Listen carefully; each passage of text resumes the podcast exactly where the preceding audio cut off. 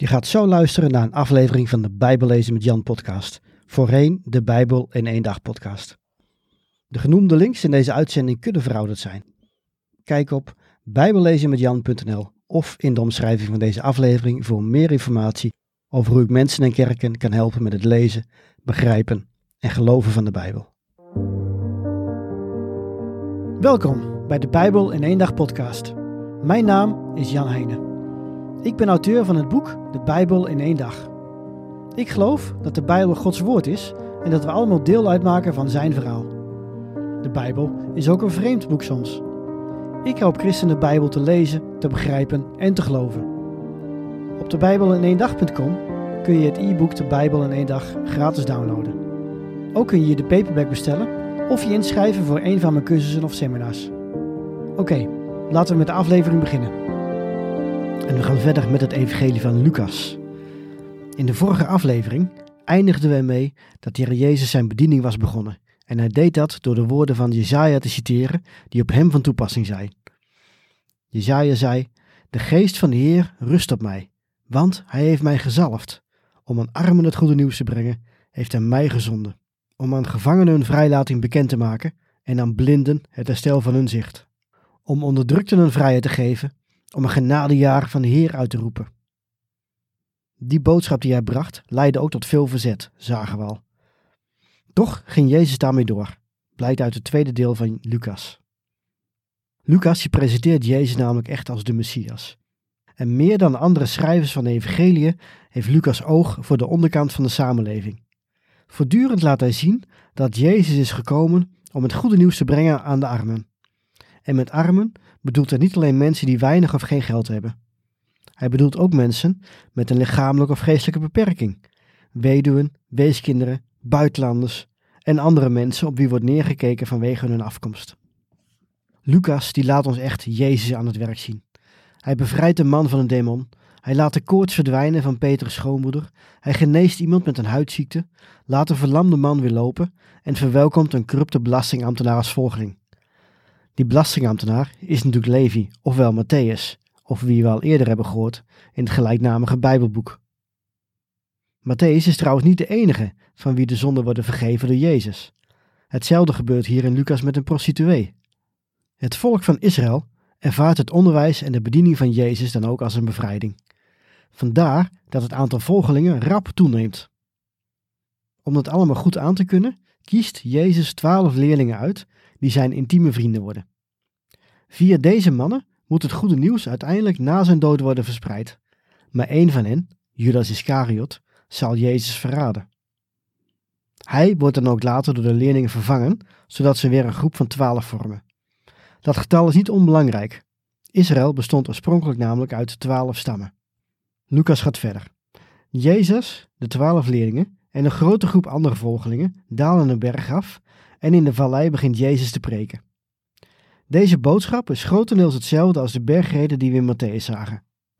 Misschien was het dezelfde toespraak en zat Jezus op de berg terwijl hij dit vertelde. Of misschien herhaalde Jezus zijn preken wel eens. Dat is eigenlijk niet zo belangrijk. Het gaat om de boodschap en die is radicaal. Jezus spreekt namelijk over het koninkrijk van God. Maar zoals we al eerder zagen, dit is een koninkrijk waar alles net even anders gaat dan bij een aardskoninkrijk. De rijken houden hun geld niet voor zichzelf, maar delen het met de armen.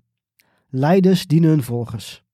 En wordt je iets aangedaan, dan neem je geen wraak, maar vergeef je. Je zoekt naar vrede en gerechtigheid en je wijst alle hypocrisie af. Prachtig onderwijs, maar door alles wat Jezus tot nu toe gedaan heeft, neemt de tegenstand wel toe. De religieuze leiders hebben namelijk juist veel voordeel van hoe de situatie nu is. Zij zijn immers de belangrijke mensen. Zij worden gezien als de mensen die de wet van God vervullen. Aan de buitenkant in ieder geval. Dus worden zij eigenlijk door de woorden van Jezus te kijk gezet. Bovendien kunnen zij niet de wonderen doen die Jezus doet. Ze verachten hem omdat hij omgaat met slechte mensen en verwijten hem een dronkaard te zijn. Maar het ergste is nog dat ze Gods reddingsplan verwerpen. Jezus trekt ondertussen van dorp tot dorp en van stad tot stad om onderwijs te geven en genezingen te doen. Toch besteedt hij de meeste tijd aan zijn twaalf leerlingen. Hij geeft hun extra uitleg en deelt dingen die hij niet aan andere mensen vertelt. Ook stuurt hij de twaalf leerlingen een keer twee en twee uit om zelf te gaan evangeliseren en zelf te bidden voor genezingen. Het is een soort training voor ze en het gaat geweldig goed. De twaalf komen vol vreugde terug en Jezus neemt de tijd om met hen te praten. Maar al gauw komt het volk achter hun verblijfplaats en zoekt hen op. Jezus is vriendelijk, hij geneest mensen en vertelt over Gods koninkrijk. Aan het eind van de dag doet hij een wonder. Met slechts vijf broden en twee vissen geeft hij duizenden mensen te eten. Vervolgens beschrijft Lucas een verhaal dat we ook al in Matthäus en Marcus zagen. Jezus gaat de berg op met drie leerlingen en hij verandert voor hun ogen. Zijn kleding wordt stralend wit. Hij praat met de profeten Mozes en Elia over zijn levenseinde. Het Griekse woord dat Lucas hier gebruikt voor levenseinde is echter Exodus.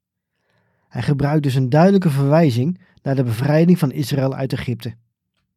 Op dezelfde manier zal Jezus zorgen voor bevrijding van de slavernij van de zonde. Dit kan maar op één manier, zoals we verderop in Lucas ontdekken. Even daarvoor had Jezus al proberen uit te leggen aan zijn vrienden dat de Messias moest lijden en sterven. Nadat ze de berg zijn afgedaald, vertelt hij dit nogmaals, maar de mensen begrijpen hem niet.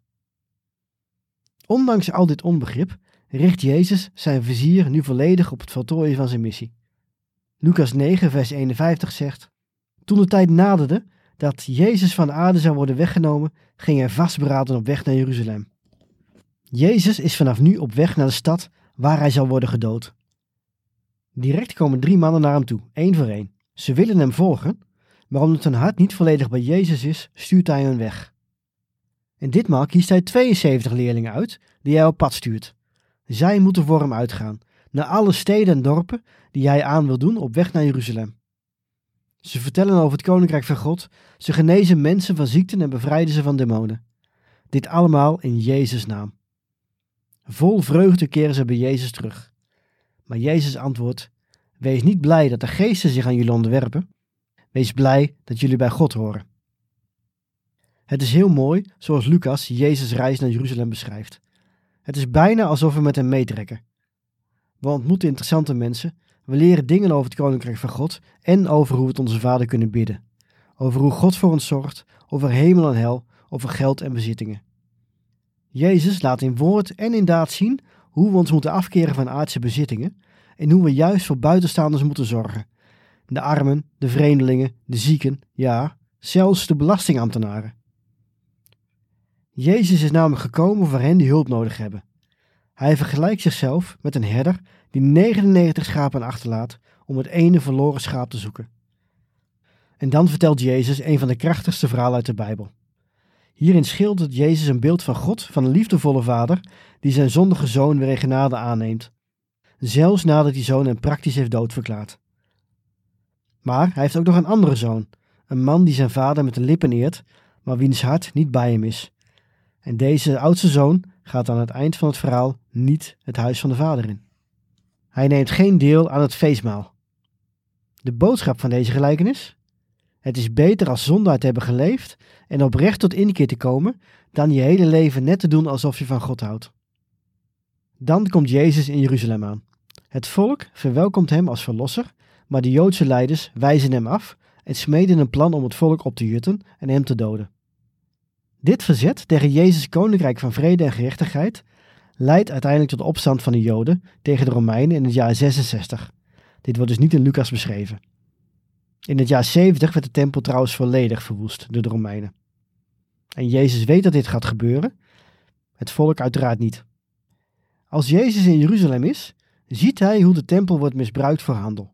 Hij is woedend en hij gooit de marktkramen omver en jaagt de handelaren weg. Deze daad zit vol symboliek. Ten eerste is het een soort voorbode van wat er ruim 30 jaar later zou gebeuren: de vernietiging van de tempel. En ten tweede leidt Jezus' actie tot nog meer debatten tussen hem en de godsdienstige leiders, omdat hij hun religieuze ideeën omvergooit. Hun besluit staat daarom ook vast. Jezus moet uit de weg worden geruimd. Ze durven hem niet op te pakken echter, als hij omringd is door zoveel mensen en ze wachten hun kans af. Jezus dan trekt zich terug met zijn leerlingen om het Pesachmaal te vieren. Lucas beschrijft hoe Jezus het avondmaal instelt, waarbij het brood symbool staat voor zijn gebroken lichaam en de wijn voor zijn vergroten bloed. Hij is het plaatsvervangende offer voor Abrahams zoon Isaac, voor de Israëlieten in Egypte en voor alle andere zondige mensen die zijn aanbod tot vergeving aannemen. Zoals we ook in de andere evangeliën hebben gezien, pakken de Joodse leiders Jezus op na die maaltijd. Eerst wordt hij verhoord door die leiders. Lucas benadrukt Jezus' onschuld. Als Jezus naar de Romeinse gouverneur Pilatus wordt gebracht, zegt deze tot drie keer toe dat hij geen overtredingen kan vinden die door Jezus zijn begaan. Datzelfde geldt voor een andere gouverneur, Herodes. Toch geeft Pilatus, naar wie Jezus wordt teruggestuurd, toe aan de druk vanuit de bevolking. Die bevolking is opgehitst door de leiders. Pilatus geeft opdracht om Jezus te laten kruisigen. Zelfs als de spijkers door zijn voeten en polsen worden geslagen, laat Jezus zien dat hij is gekomen om de relatie tussen God en mens te herstellen. Hij biedt de Romeinse soldaten vergeving aan. En tegelijk met Jezus worden ook twee moordenaars gekruisigd. Eerst bespotten ze Jezus, maar één van hen krijgt door dat Jezus wel degelijk de zoon van God is en vraagt of Jezus aan hem wil denken. En Jezus antwoordt hem dat ze diezelfde dag nog samen in het paradijs zullen zijn. Rond twaalf uur wordt het donker in het land. Het is in deze periode van duisternis dat Jezus de beker met Gods toren leegdrinkt. Hierin wordt hij gestraft in onze plaats. Rond drie uur middags, dus ongeveer een uur of zes nadat hij aan het kruis is geslagen, roept Jezus de woorden uit: Vader, in uw handen leg ik mijn geest. En op dat moment sterft hij. Alleen de Romeinse commandant lijkt door te hebben wat er gebeurt. Hij zegt: Deze man was rechtvaardig. Niet veel later wordt Jezus van het kruis gehaald en in een graftombe gelegd. Een paar dagen later komen een paar vrouwen bij het graf om zijn lichaam te balsemen. Twee mannen in witte gewaden zeggen echter dat Jezus is opgestaan. Als de vrouwen bij de elf leerlingen aankomen, want de verrader Judas had immers zelfmoord gepleegd, geloven die leerlingen hen niet. Ondertussen verschijnt Jezus zelf aan twee mannen die onderweg zijn van Jeruzalem naar het nabijgelegen dorpje Emmaus. Ze herkennen hem eerst niet. Zelfs niet als Jezus uitlegt dat de Zoon van God nu eenmaal moest sterven. Pas als ze later aan tafel het brood breekt, zien ze wie hij werkelijk is. En ze lopen snel terug naar Jeruzalem om het goede nieuws aan de leerlingen te vertellen. En als ze daar aankomen, blijkt Jezus ook al met Simon Petrus te hebben gesproken. Terwijl de leerlingen met elkaar in gesprek zijn, staat Jezus opeens in hun midden. De aanwezigen schrikken hevig en sommigen van hen zijn bang dat ze een spook zien. Daarom neemt Jezus wat te eten. Zo zien ze dat hij echt leeft. Hij legt het Oude Testament aan hen uit en maakt het verstand van de leerlingen als het ware open. Eindelijk begrijpen ze Jezus' woorden en zijn missie. Dan neemt Jezus hen mee naar een berg, zegent zijn volgelingen en stijgt op naar de hemel. En de leerlingen keren vol vreugde terug naar Jeruzalem en eren God in de tempel. En daarmee zijn we aan het einde gekomen van Lucas. Lucas heeft trouwens nog een Bijbelboek geschreven. Dat heet Handelingen en dat gaan we ook bespreken. Maar eerst komen we nog uit bij het Evangelie van Johannes. Een heel ander evangelie dan de drie voorgaande die we hebben besproken.